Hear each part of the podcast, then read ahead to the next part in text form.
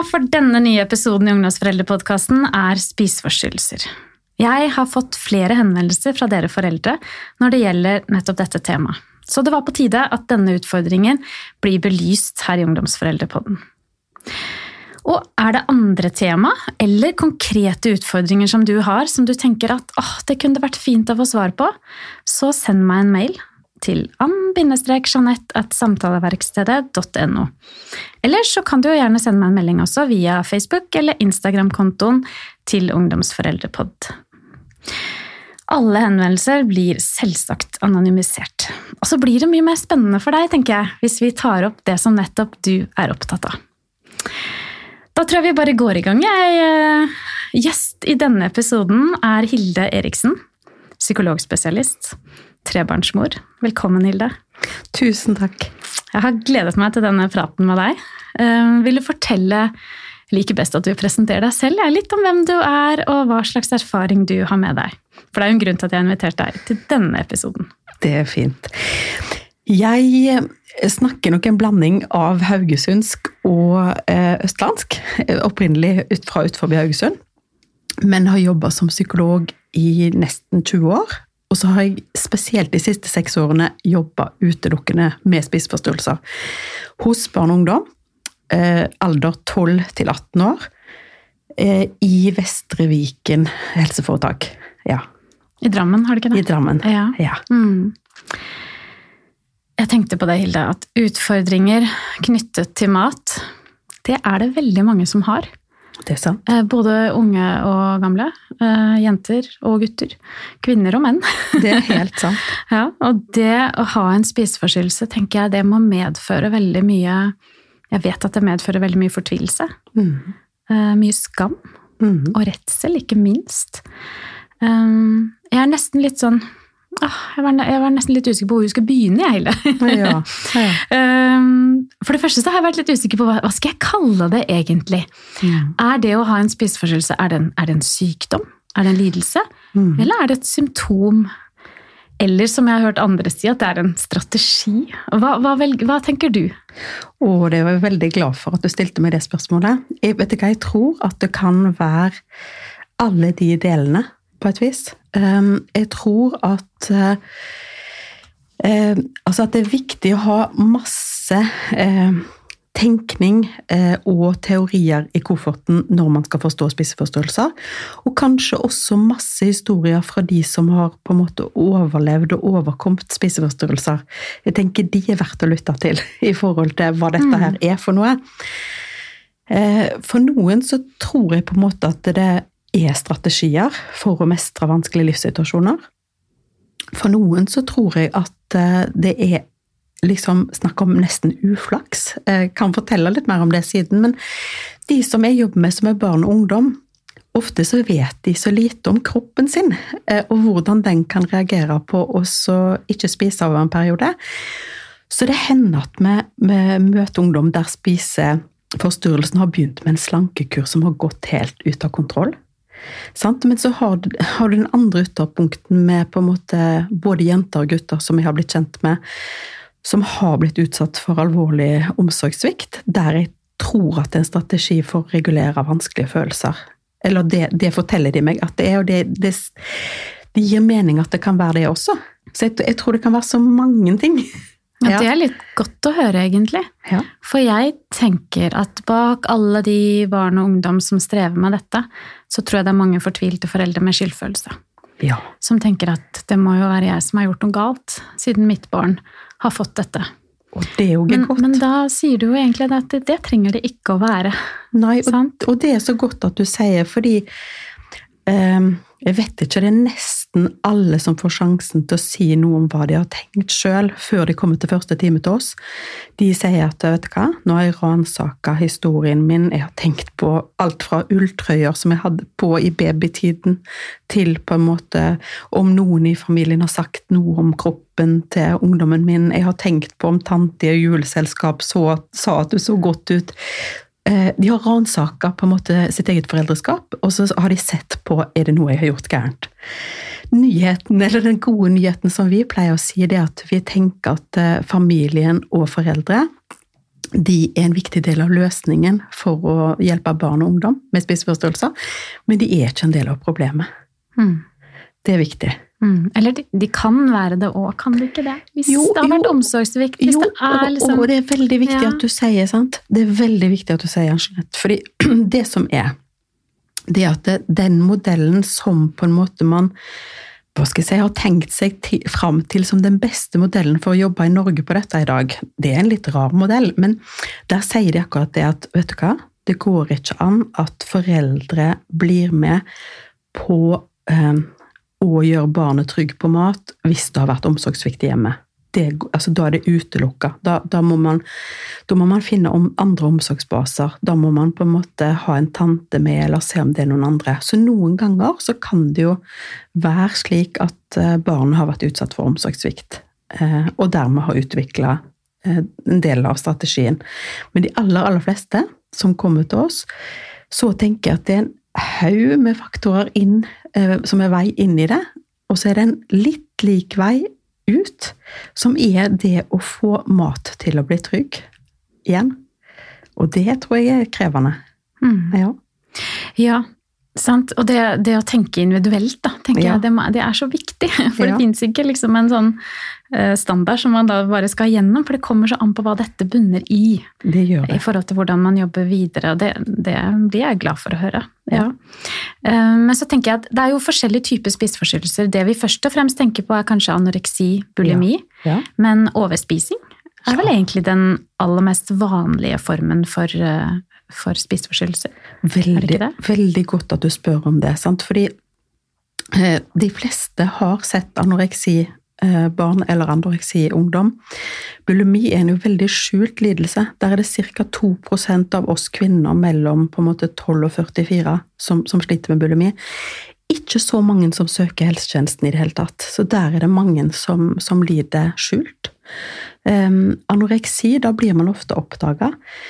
Sant? Fordi at man ser at man går mye ned i vekt. Overspisingslidelse er også på litt høyere prosent enn bulimi. Og overspisingslidelse er også veldig skambelagt, tenker jeg. Eh, og det som nyere forskning sier noe om nå, som er spennende og vondt, det er at det, kan si at nesten 30% av de som overspiser i voksen alder, ender opp med en overspisingslidelse, har hatt en anoreksidiagnose som barn eller ungdom. Oh, ja. Eh, sånn at det ser ut som at sultbiologien gjør noe med på en måte Altså det å holde kroppen i et sånt sultent grep, det gjør noe med regulering av sult og metthet. Dette vet du mer om enn meg, vet jeg som sykepleier, sant? men jeg har måttet lære meg det som psykolog i en spiseenhet at det ser ut som at man gjør noe med metabolisme, noe med forbrenningen, som gjør at man ender opp der. Ehm, så, det ser ut som at det kan være en vandring av diagnoser fra anoreksi til bulimi til overspising periodevis ja, i et liv. Mm. Ja. For noe jeg også har, har, hørt, eh, og hørt andre si i forhold til det at man har hatt en spiseforstyrrelse en gang i livet, at det er noe man på en måte aldri kanskje blir helt frisk av. At man, man bærer mm. det i hvert fall med seg. At det mm. forholdet til mat kan mm. være komplisert resten av livet, rett og slett. Mm. For mm. mange så tror jeg det. Og eh, samtidig så jeg tenker at jeg har møtt ungdommer som har kommet tilbake til oss og sagt at vet du hva, det er akkurat som et, akkurat et sårbarhetspunkt som jeg må være bevisst på. Eh, og så må jeg ha en kriseplan, slik at jeg på en måte ikke faller tilbake. Altså, det er en slags de sier noe om at akkurat som en, vi som er vokst opp i CD-platene sin, sin, tid, som er mm. litt gamle eh, Akkurat som det er på en måte en, en, CD som kan spilles, et type mindset som kan komme tilbake i kriser i livet. At man kan ta, det, ta til det for å regulere vanskelige følelser på et vis. Eh, så veldig ofte så vil de få med seg en sånn tilbakefallsplan eh, når de er ferdig med, med behandling. Iallfall hvis de har blitt 18 og voksne når de skal forlate BUP. da. Ja. Ja, Vi skal snakke litt mer om, om, det med overspising tenker jeg litt senere. Ja. Hvis jeg husker det, da. Ja. Men først så har jeg lyst til å fortelle litt om det stedet der du jobber, eh, Hilde. Det er først og fremst fordi med anoreksi, er det ikke det? Eller? Både bulimi og anoreksi, bulimi men vi får altfor få av bulimi. Da har det ofte gått okay. litt langt. Mm. Mm. Mm. Hva, hva, skjer? Når, eh, hvordan kommer dere i kontakt med disse barn og unge?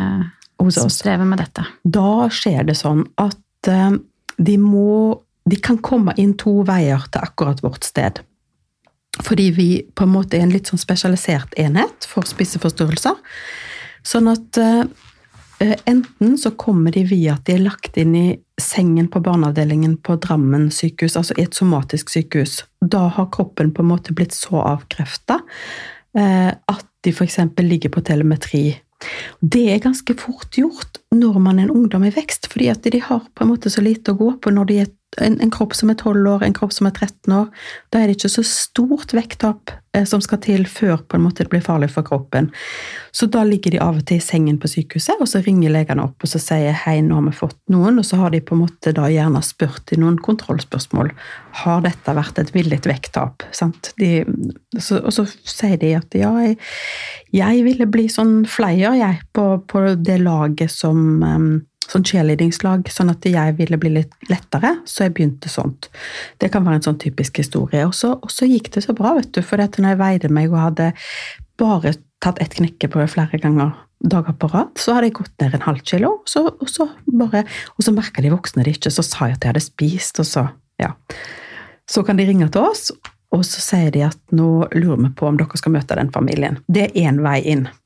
Den andre veien inn, det er at det, at de på en måte lokale behandlerne på Kongsberg eller altså rundt omkring i distriktet vårt har jobba fælt med en familie, og så står det helt fast. Og så sier barna f.eks. at det er kjempeutrygt å spise mer, eller barna har gått i gang med masse overtrening, eller man finner ut at det både kaster opp, eller ja. Så det er de to veiene inn til oss, da. Mm. Ja. Hvor mange plasser har dere?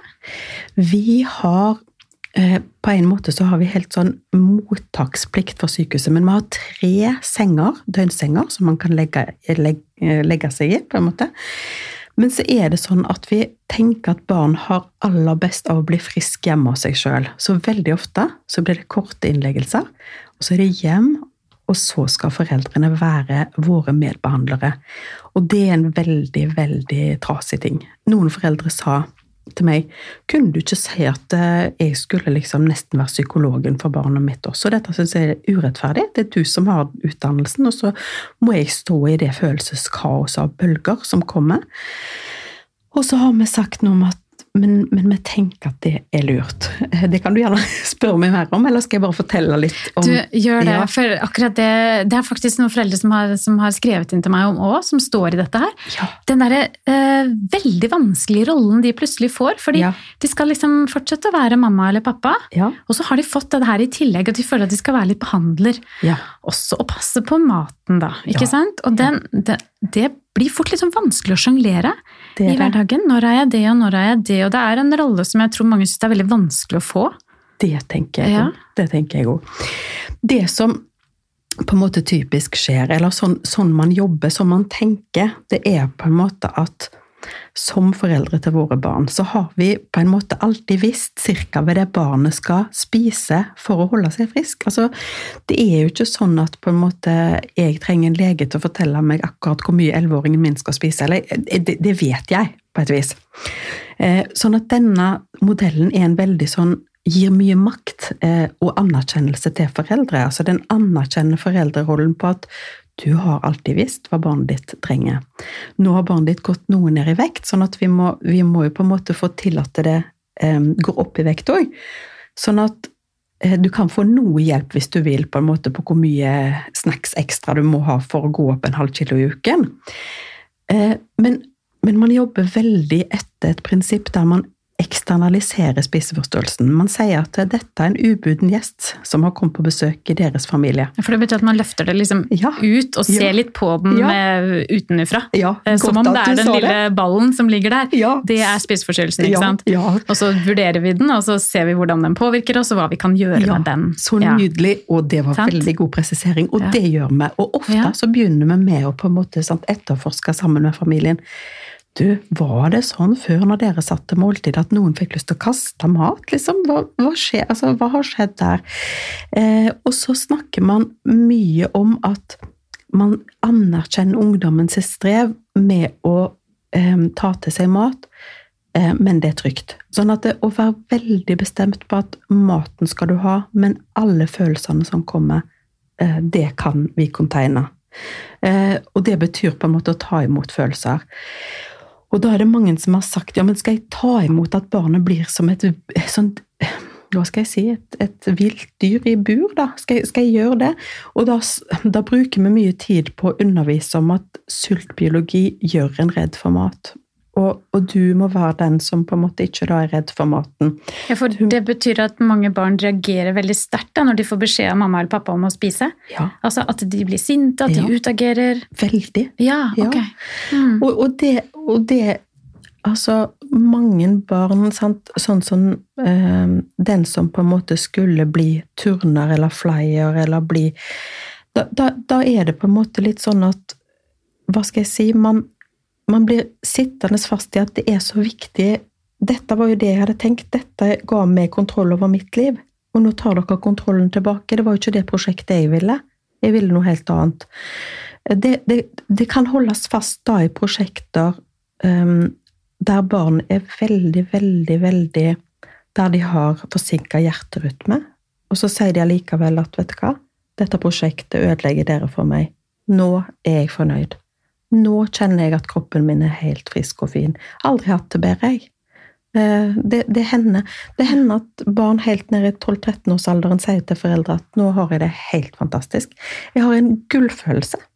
Og det tror jeg de har, fordi at når, når vi sulter oss, og det vet du sikkert også mer om enn meg, men jeg har, har lært meg det etter mm. hvert, mm. så får man masse endorfiner i kroppen, så ja. man kan få masse gode sånne følelser mm. eh, som gjør at du verden, jeg er på toppen av det. Og, og i en periode, en sånn honeymoon-fase, eller en sånn Eh, der man nesten er forelska i spiseforstyrrelsen sin, så kan man si noe om at det er så fint. Jeg bare skriver i boka i systemet mitt at jeg spiste det og det og det og det, og jeg fikk det helt fint til. Og så kan man se at det bare går helt ut av kurs. Eh, så, så, det er klart at man jobber på et helt annet lag, og så, og så må man da si at spiseforstyrrelsen din er det som vil det. Du sjøl er noe annet. Og så er det mange som sier jeg er så forbaska lei av det, Hilde, for du sier det der hele tida.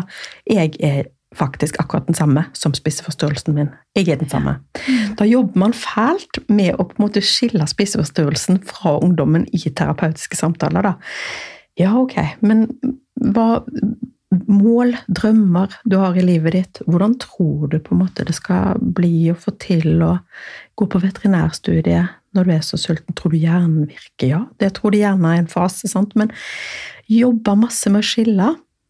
Og så er det det med den foreldrerollen der foreldre, hva skal jeg si, i fase én jobber fælt for å overta alt ansvar for reernæring som om det var et lite barn. Veldig ofte så er det ungdommer som sier at når jeg skjønte at dere kom ikke til å gi dere uansett, da falt jeg til ro. Da fikk jeg på en måte um, bare resignerte litt, ble eh, opptatt av å spise. Og da kan vi ta tak i de prosjektene som kanskje Eller de smertefulle tingene som kanskje har gjort at de fikk en spiseforstyrrelse in the first place. Men vi kan ikke det mens livet og helsen holder på å renne ut, på en måte. Nei, så da er det liksom ernæring først, ja. og så kan man begynne å ta tak i det som ja. ligger bak. Fordi jeg kjente, jeg tenkte på det når du snakket nå, at for en som har mye uro inni seg, da. Ja. Som barn og unge kan ha. For de skal lære mange nye ting, og de skal forholde ja. seg til det sosiale på skolen. Og, det er mange, mange, barn og unge som har en del utfordringer. Ja. Og så blir, kan dette bli da en strategi for å få denne gode følelsen av kontroll. Absolutt. Og så er det noe de mestrer. Absolutt. Eh, for kanskje de ikke mestrer andre ting, og så, og så får jeg til dette. Mm. For det krever jo ganske mye. Jeg syns det er ganske imponerende egentlig å klare å få det. Fordi også det. mat er så godt. Ja. Og så skal man sulte seg selv på en måte. Ja. Men så tror jeg det ligger mye mestring i det. Ja. Um, så det er én ting. Og så, og så, tenker jeg liksom at um, som mamma selv, da, hvis det hadde rammet mine barn, så tror jeg hadde blitt um, jeg tror man dras veldig mellom den derre at øh, hva er det som ligger bak? Jeg hadde nok blitt veldig opptatt av å snakke med barnet mitt om hvordan har du det? Hva ja. er det dette skyldes? Ja. Uh, så jeg hadde blitt veldig opptatt av det. Men på den ja. annen side så skal man også da Og så ble jeg veldig opptatt av mat, tenker jeg. At det ville vært å få i barnet mat. Um, hvordan, hvordan har disse foreldrene det? Hva, um, Å, vet du hva det er? Jeg tror, jeg tror at, de har, at de slites på en måte mellom de ytterpunktene. Og veldig, veldig mange sier også på et vis at eh, ja, men er det ikke sånn dere som kan dette, at hvis, hvis vi bare får tak i på en måte hvilke vonde ting i livet de forsøker å regulere og mestre, kommer ikke spiseforstyrrelsen til å bare gi seg da. Og det, det trodde jeg eh, før jeg begynte med spiseforstyrrelser, at det var helt sånn én-tegn. Altså at, at det har vi jo på en måte sett med andre psykiske lidelser. at det, Hvis du får tak i på en måte litt sånn hvorfor har det blitt en angst, eh, så kanskje det knekker koden til angsten.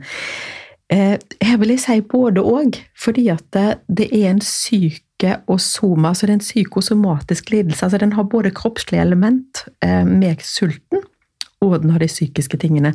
Og de er gjensidig styrkende for hverandre. Slik at det å jobbe med eh, det bakenforliggende mens det er en kjempesulten hjerne, eh, er veldig vanskelig. Eh, Det er også forferdelig vanskelig altså Det har kommet masse ny forskning, og for så vidt også gammel forskning, om hva det å være i undervekt, i alvorlig undervekt som anoreksi, gjør med hjerner i forhold til hvordan man vurderer størrelse på mat, hvordan man vurderer størrelse på kropp. Akkurat gjort en doktorgrad der det er på en måte påvist at ved sultne hjerner så, så har man på en måte en overdimensjonering av størrelser. Det er områder i hjernen som er påvirka. Sånn at det at mat ser farlig ut, har også en biologisk eh, grunn. altså maten ser større og mer ut. Ja. Og også for det, det er også noe jeg har hørt, at man, Ja. man får et liksom forvrengt bilde av seg selv. Man ser seg selv i speilet og ser egentlig en som ser ganske stor ut, og så er man kjempetynn. Stemme. Eh, Og det ser ut til å være fysiologisk, Ja, det ser ut til å være helt sånn Ja. fysiologisk. Okay. Og så er det noe som jeg ikke visste om, og det, det hører disse mammaene og pappaene som kommer til oss ganske fort om. Det er et Minnesota-studie, heter det. De- De hadde nok ikke fått lov til å gjøre det studiet i dag, men de rekrutterte mannlige soldater i Amerika, i Minnesota. En gjeng med sterke soldater Nei, helt eh, De skulle være sterke psykisk og fysisk. Og så sa de vil dere være med på et eksperiment i å sulte. Først så fikk de vanlig mat. Dette var i Navy of America. Og så sa de nå tar vi vekk, så tar vi halvparten av maten og gir dere halvparten av maten. Og så eh, etterpå så så de på en måte hva som skjedde. Det som begynte å skje når de ga de halvparten av maten, det var at en del av disse mennene begynte å smugle kokebøker inn i leiren. I Amerika på 50-tallet var det helt uvanlig å, å være opptatt av mat. De ble kjempeopptatt av mat. Noen av de ble ekstremt De sa at de tenkte på mat. De snakket, altså, snakket masse med mat seg imellom. Det ser ut til å være en sånn evolusjonsbiologisk ting når man på en måte sulter, eh, sånn, som er lagd for at vi skal overleve, eh, så er det lurt å være orientert på mat. Eh, sant? Sånn at det, sulten setter i gang hos hjernen til disse mennene som ikke hadde anoreksi, som ikke hadde De hadde ikke et psykologisk strev, de var godt utreda på at de ikke skulle ha et psykologisk strev. Så begynte kjærestene deres å ringe inn til leiren og så sa vet du hva, det er veldig vanskelig å snakke med han, fordi at han vil snakke om mat. Eh, Når vi går på kjærestedate, så er det snakking om mat. Så begynte de å si at de virka irritable, var ganske rigide. Noen opplevde at de var, var redde. Og så eh, testa man de med masse psykologiske tester. Eh, så så man at det å ta beslutninger ble vanskelig. Sant? Det å på en måte velge mellom A og B ble kjempevanskelig.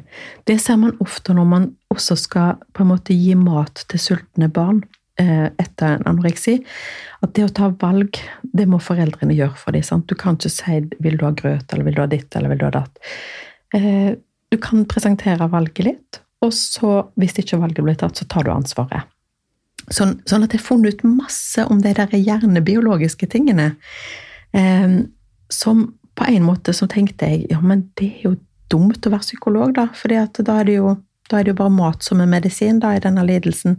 Så tenker jeg veldig annerledes om det nå, for jeg tenker at min oppgave, og mange av eh, mine familieterapeuter og kollegaer eh, sin oppgave, det er å støtte foreldrene. Sant? Det er å støtte foreldrene i å komme igjennom, i å skjønne hvorfor de blir så redde. At det er ikke det er ikke barnet ditt som du Du skal ikke kjefte på barnet ditt når det blir så redd for maten.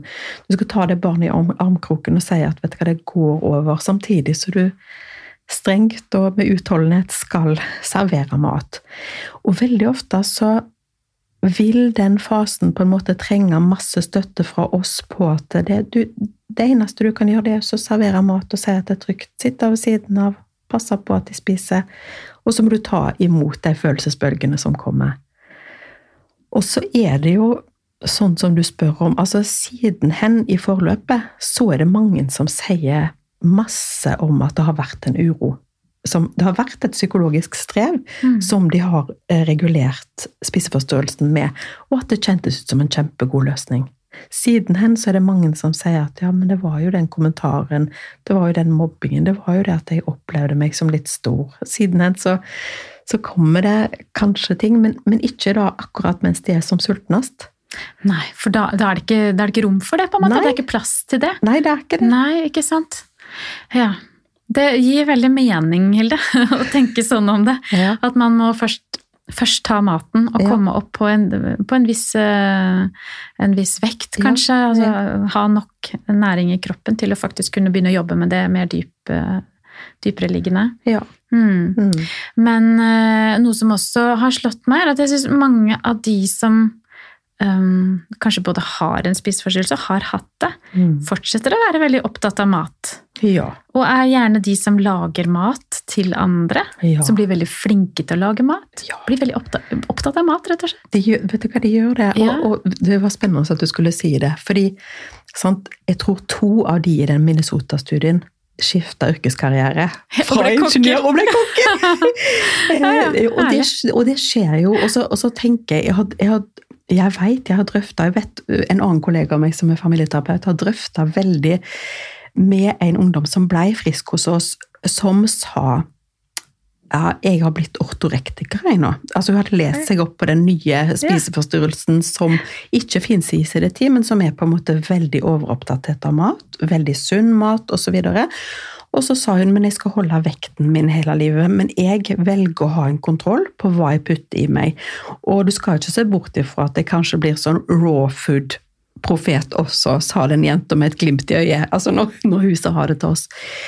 Eh, så, så, på en måte hva som blir Jeg tenker at eh, for noen så slipper det helt eh, taket, men for noen så blir det nok et mindset som, som tar mer eller mindre plass, på et vis. Eh, det som jeg tenker hva skal jeg si, Hvis jeg skal tenke høyt om det å være frisk, så tenker jeg jo at hvis det alt i livet måles opp mot kropp og vekst. Hvis, hvis hele selvbildet ditt er basert på uh, på en måte den vekt Tallet du får på vekta, uh, da er du ikke frisk. Men på en måte dess flere ting du får inn putta inn i livet, dess friskere blir du på et vis. Mm.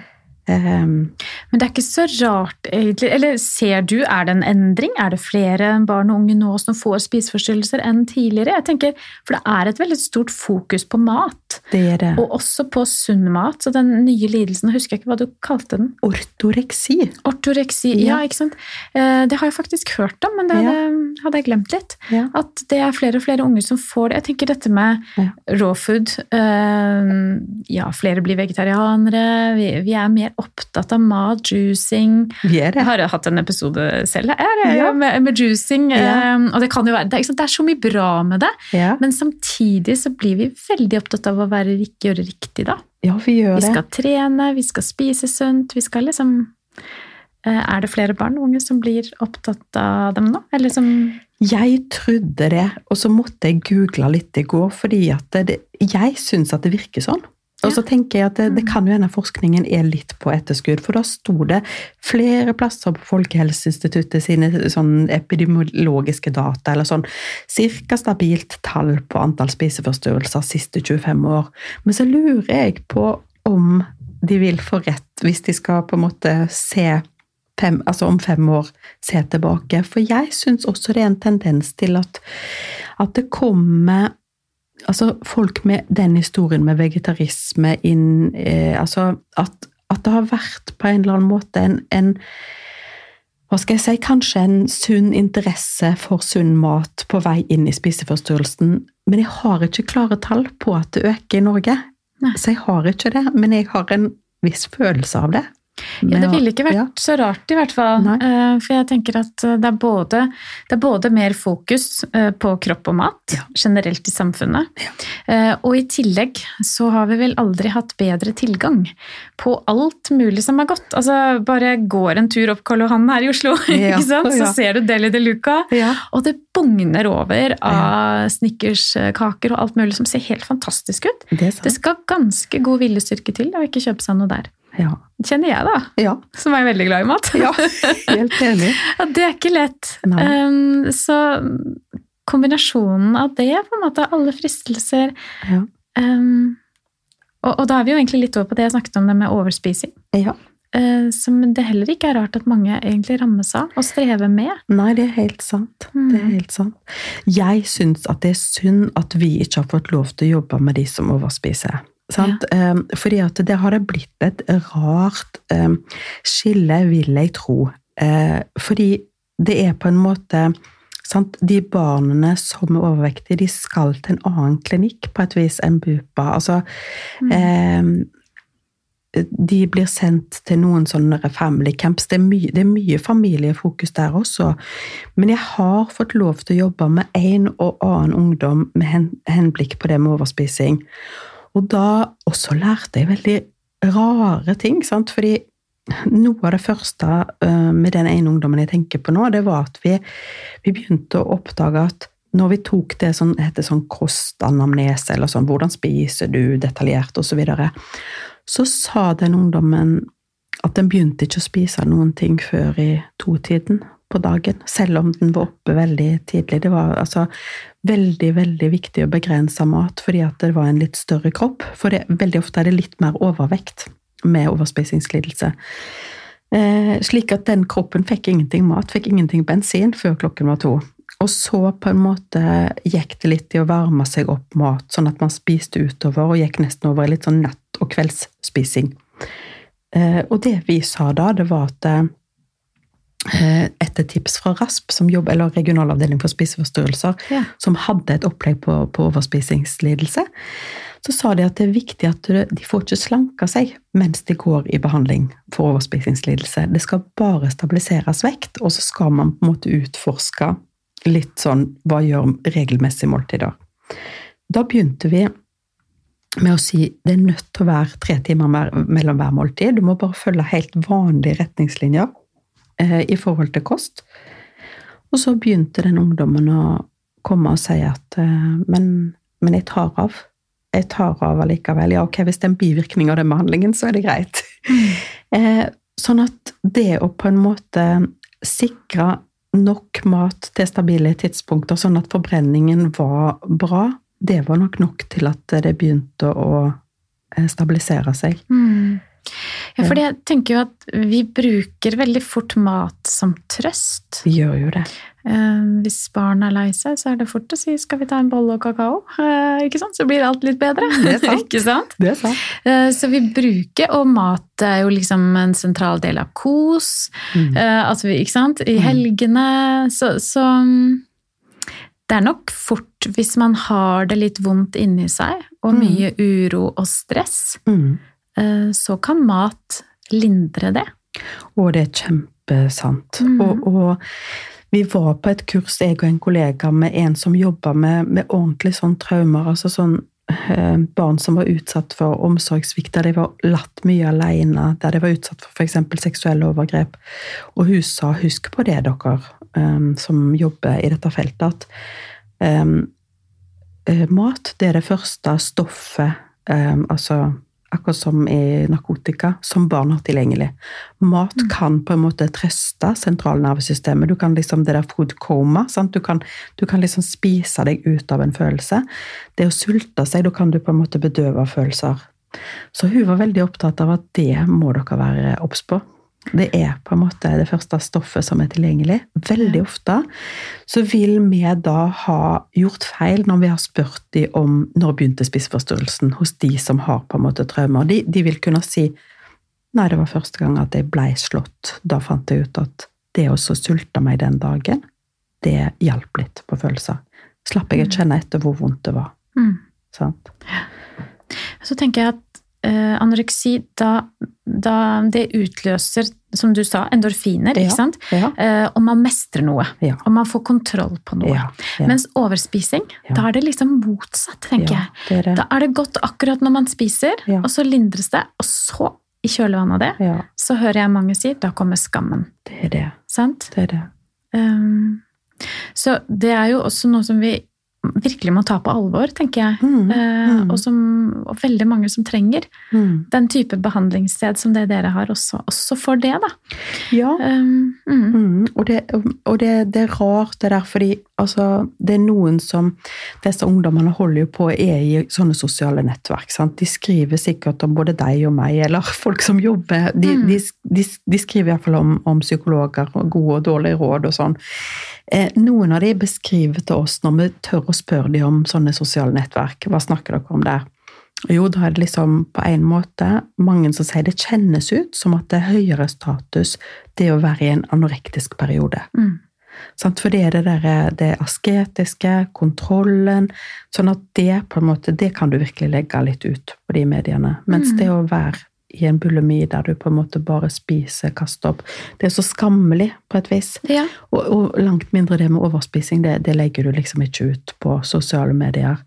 Nei. Det er trist, for det er på en måte en og samme Veldig ofte en og samme Kanskje sånn selvbildeforstyrrelse. Sant? Det er veldig ofte så øh, er bulimi mye restriktiv spising, og så overspising. Restriktiv spising, og så overspising. Så, så det er ofte på en måte samme symptomatologi som ligger i bånn, men litt sånn Mm. ulik utforming, da. Ja. Ja. ja. Og jeg tenker mange som overspiser, eh, går med dette hele livet, og de går under radaren, på en måte. De. De bare lever med denne vonde følelsen inni seg, Ja. og veldig mye skam, uten at det egentlig blir tatt tak i, fordi de dør ikke av det, sånn som Nei. man kan gjøre av anoreksi. Nei, det er det. Eh, Men det skader jo over tid, men, Ja. men det er ikke så dramatisk, da, på en måte. Nei, det er helt sant. Mm. Men du, når jeg har det her, så kommer jeg på en ting som jeg har lyst til å spørre deg om. Ja. Og det er, jeg jobber jo som helsesykepleier. Ja. Og som en del av liksom, vårt standardopplegg hvert år, Ja. uh, i hele landet, så veies alle tredjeklassinger.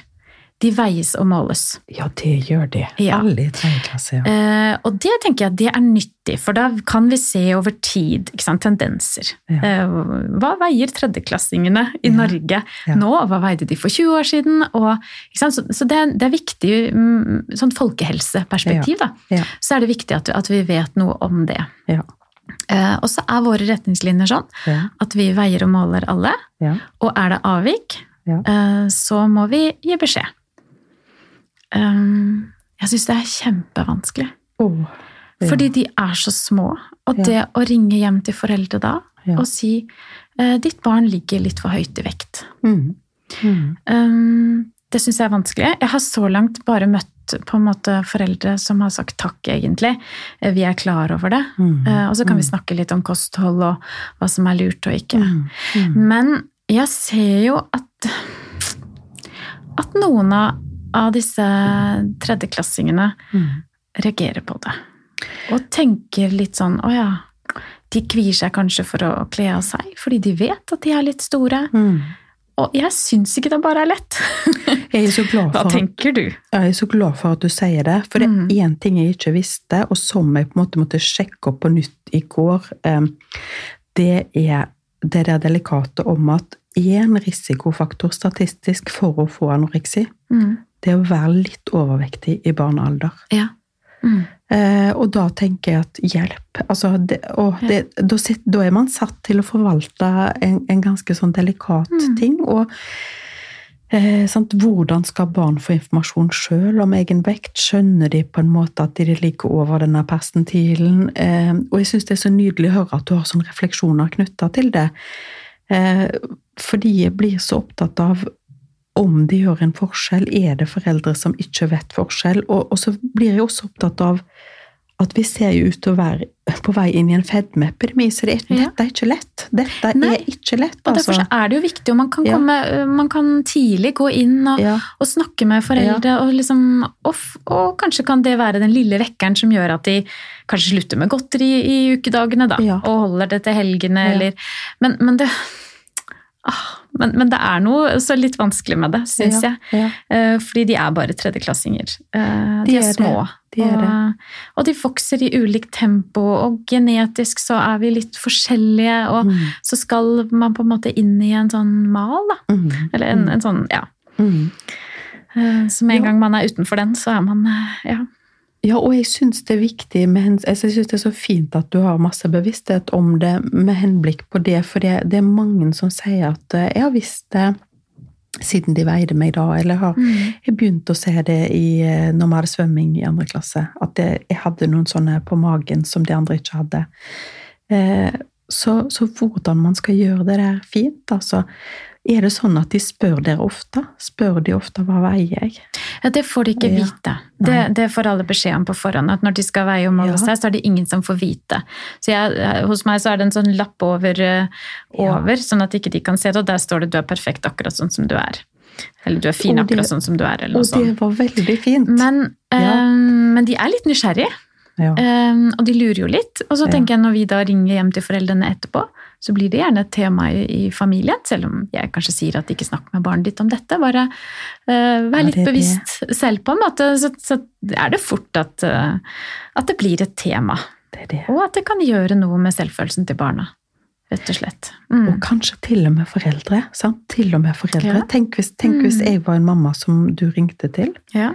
Hvordan ville det vært? Nei, også, også, nei, det hadde ikke vært så godt. For jeg hadde tenkt sånn Mm. Jeg hadde tenkt sånn, jeg lurer på om du tenker at jeg bare har sånn usunne pålegg på i matboksen. Jeg, jeg tror jeg hadde lyst til å sagt ja, men jeg vet alle kostholdsreglene om fem frukt om Mm. dagen, eller Mm. Jeg vet ikke. Ja. Nei, nei jeg, nå kaster jeg litt Ja. sånn ut en brannfakkel også, på en måte. Ja. Fordi dette er noe alle helsesykepleiere gjør i, Ja. i hele landet. Ja. Eh, Og det er noe vi kommer til å fortsette å gjøre, men Ja. jeg er veldig opptatt av at vi skal være helt bevisst på hva vi gjør. Ja. Hvordan vi ordlegger oss, Ja. eh, hvordan vi reagerer når det er uh, avvik. på en måte. Avvik, bare det er vondt å si, ja. kjenner jeg. Men Ja. eh, ja, når man er da enten undervektig eller, eller ja, det tipper opp mot overvektig. Da. Sant. Så ja, hvert fall at vi skal, vi skal tenke oss om. Ja. Og ja, nå vet jo du om det, da. Så kan jo du se litt på om det ja. Det skal jeg tenke på. De som kommer til deg, om de har noe på en måte historie i forhold til det. Ja. Mm, Ja. Um, så har jeg bare lyst liksom å slutten igjen å snakke litt om dette med foreldre. Ja. For jeg tror mange foreldre lurer på um, hva skal vi gjøre ja. hvis vi har et barn uh, som enten uh, raser litt ned i vekt, man ser liksom, eller det har blitt en sånn ja, kanskje begynt å slanke seg litt. Vi Ja. ser tendens ja. til at her kan det, kan det være en spiseforstyrrelse. ja. Hva er det beste at de gjør da? Det aller, aller beste tror jeg å være helt omsorgsfull og snakke skikkelig, og så si at eh, Å, jeg lurer, jeg lurer på, jenta mi Um, Først så ville jeg tenkt, hvis det er to stykker hjemme, eh, snakk litt sammen, utveksle erfaringer. Har du sett det? Har du sett det? Og så på en eller annen måte så tror jeg ikke det er farlig å spørre ehm, Er det sånn at du har begynt å sette i gang noe eh, slankekur? Er det, er det sånn? Ehm, og så tenker jeg at eh, ganske raskt ta enten kontakt med helsesykepleier på skolen eller fastlege hvis man ser at det på en måte er et vekttap. Hvis Altså hvis barnet Veldig ofte så vil barn også si sjøl at ja, jeg har gått ned så og så mange kilo. Mange vil på en måte bli litt glad for å bli ferska på et vis også. Ehm, og så har du foreldre som har måttet gå litt etter. Altså, jeg vet noen, noen på vei inn til oss har, beskrevet at eh, de måtte på en måte passe på at de hadde felles måltider, sånn at de fikk sett at det ble spist mat. Mm. Eh, altså at de måtte bremse litt ned i hverdagen. Ta, liksom, hvis, de, hvis de ikke ser at det, at det er sånn kjempefarlig vektutvikling, at de hadde tid til å se på er det sånn at det, barnet setter seg til bords og spiser? Er det normale porsjoner? Videre.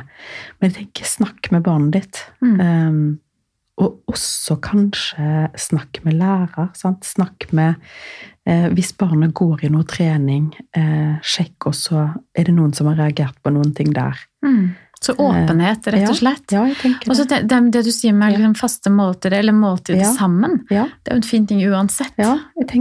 For å skape også fellesskap og glede rundt maten. Jeg tenker det. Uh, mm, Mm. Ja. Så der slår man to fluer i en smekk. Uh, Det gjør man. Men det er liksom den balansen som jeg tror mange syns er vanskelig da, i, i, hvor, i hvilken stor grad de skal eh, Det er fort å tenke, og hvis, jeg snak, hvis, jeg, hvis vi snakker om det, Mm. så blir det virkelig. Mm. Sant? Mm. Og jeg, tror det er derfor mange kanskje bare går og, lurer og er engstelige og ikke helt tør å snakke om det. Mm. Fordi da blir det da blir det plutselig en del av livet, eller ja. Det tror jeg var veldig klokt sagt. Eh, Jeg tror at det er noen som har eh, Det er flere som sier at de har på en måte nesten bare liksom sett i radaren, i sidesynet, at eh, oi, f.eks. et barn som går på trening, bare ser at eh, nei, men vet du hva, herlighet, har gått fra to ganger i uka trening til seks ganger i uka. Jeg ser heller aldri noe sånn småspising på kvelden. Jeg ser ikke at det blir et påfyllmåltid etter trening, sånn som det var. Og så har de sett det i uker. Eh, og så, så blir det på en måte ikke helt synlig for dem før det kommer til en eh, sydentur eller et sted der det er naturlig å se barnet sitt mindre påkledd. sant? Så det er mange som sier at de har lurt, men de vil ikke trø for nære. sant? Og det er noe med 15-16-17-åringer som skal på en måte vokse og bli store, men jeg tror at de også har godt av å bli sett i kortene, og at det er omsorg å si jeg lurer på, får, får du spist nok nå, du som har så mye å gjøre på skolen? Jeg lurer på hvordan går det nå med det? Mm. Eh, vær, heller spørre en gang for mye enn en gang for lite, tenker jeg. Altså. ja. Og det gjelder jo liksom ikke bare det med, med spising Nei. eller spiseforstyrrelse, men det gjelder egentlig det meste i livet. Ja, jeg tror At det. det blir ikke større. Det eh, gjør ikke det. Eller virkelig fordi vi spør om det. Nei. Eh, Det er vel mer sånn jeg sier noen ganger til barna hvis de syns det er vanskelig å sette ord på det, eller de er redd for å snakke om ting. da. Ja. Eh, Når de kommer til meg, så sier jeg det er litt sånn som trollet. Ja. At hvis vi lyser på det, så sprekker det, liksom. Og blir borte. Jeg tror det. Eh, sant? Ja. Så mm, det å våge å snakke om det vi er engstelige for, eller det som er litt vanskelig, Ja. det gjør egentlig bare godt. Det tror jeg. Mm. Ja, da håper jeg at de som har lyttet, har lært litt. eh, Og fått eh, noen gode tips. Og så håper jeg det er noen foreldre som også kan senke skuldrene litt også. Mm. Og, har, eh, og ikke kjenne på så mye skyldfølelse. Fordi Nei. det er så mange årsaker. Og det er ikke sånn at det er fordi at foreldre ikke har gjort en god nok jobb at barna eh, får ulike lidelser. Som regel. Hvis ikke det er snakk om spesielle tilfeller da, med omsorgssvikt. Sånn tenker jeg. Mm. Og det er viktig. Det er viktig å, å på en måte tørre å, å søke hjelp. Eh, Mm. ja, Men Men foreldre er veldig ofte De sitter ofte med nøkkelen til løsningen. Ja. Eh, For det er de som kjenner barnet sitt, Det og jeg. Som virkelig kan hjelpe barnet til å bli friskt. Mm. Mm. Tusen takk, Hilde, for en god prat. Jeg har lært masse. Takk skal du ha. Husk å sende inn eh, spørsmål til meg, da, dere. Da blir det morsommere både for dere og for meg. Og følg Ungdomsforeldrepodkasten både på Facebook og Instagram.